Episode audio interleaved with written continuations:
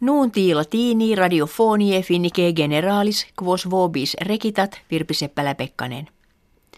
Elisabeth secunda regina Britannorum dievi gesimo primo huius mensis nata licium nona gesimum cum familiaribus celebravit.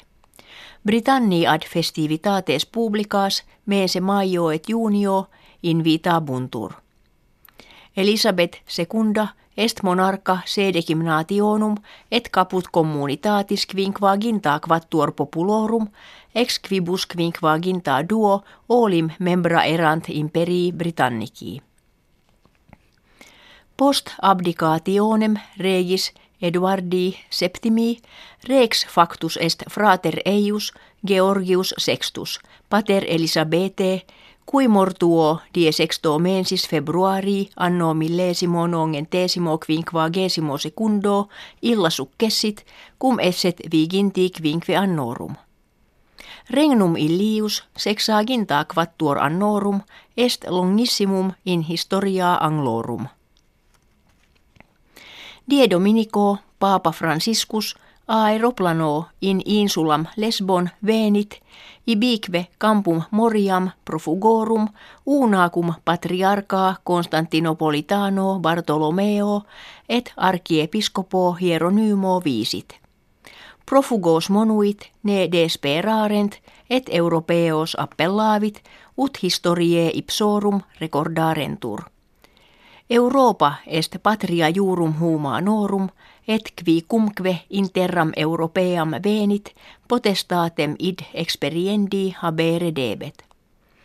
Aderat primus Grekie minister Alexis Tsipras, qui pape gratias egit, proverbis dictis, cum ceteri moderatores Europe Christiani contra profugos muros ducerent. Ex campo papa secum in aeroplanum pontificale duodecim profugos syros sumpsit, tres familias musulmanas, kve in kivitate Vaticana, ecclesia catholica adjuvante, asylum habebunt. Amnestia ordo a juribus humanis internationalis monet conditiones vitae hominum qui in Grecia clausiin grefertis campis vivant difficillimas esse.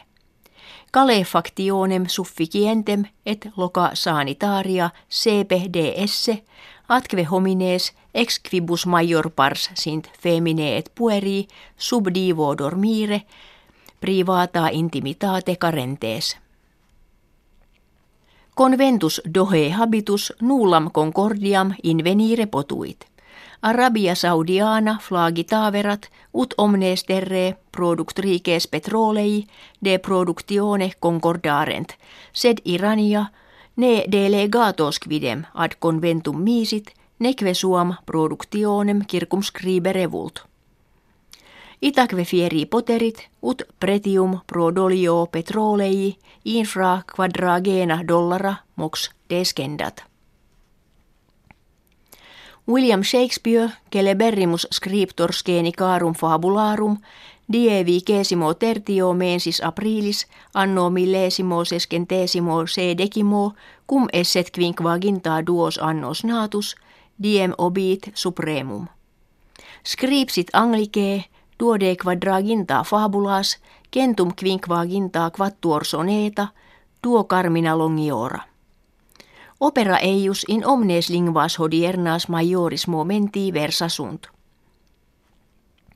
Fabule interquas Romeus et Julia atque Hamlet notissime sunt in teatris orbis terrarum usquedantur.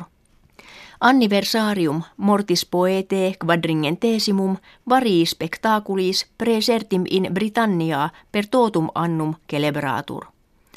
In Finnia tria opera Verdiana, Otello, Falstaff, Macbeth, in fabulas Shakespeareanas composita, in urbe Savonlinna, mense Julio dabuntur. Nuuntis ita finitis gratias auscultatoribus agimus et valedigimus.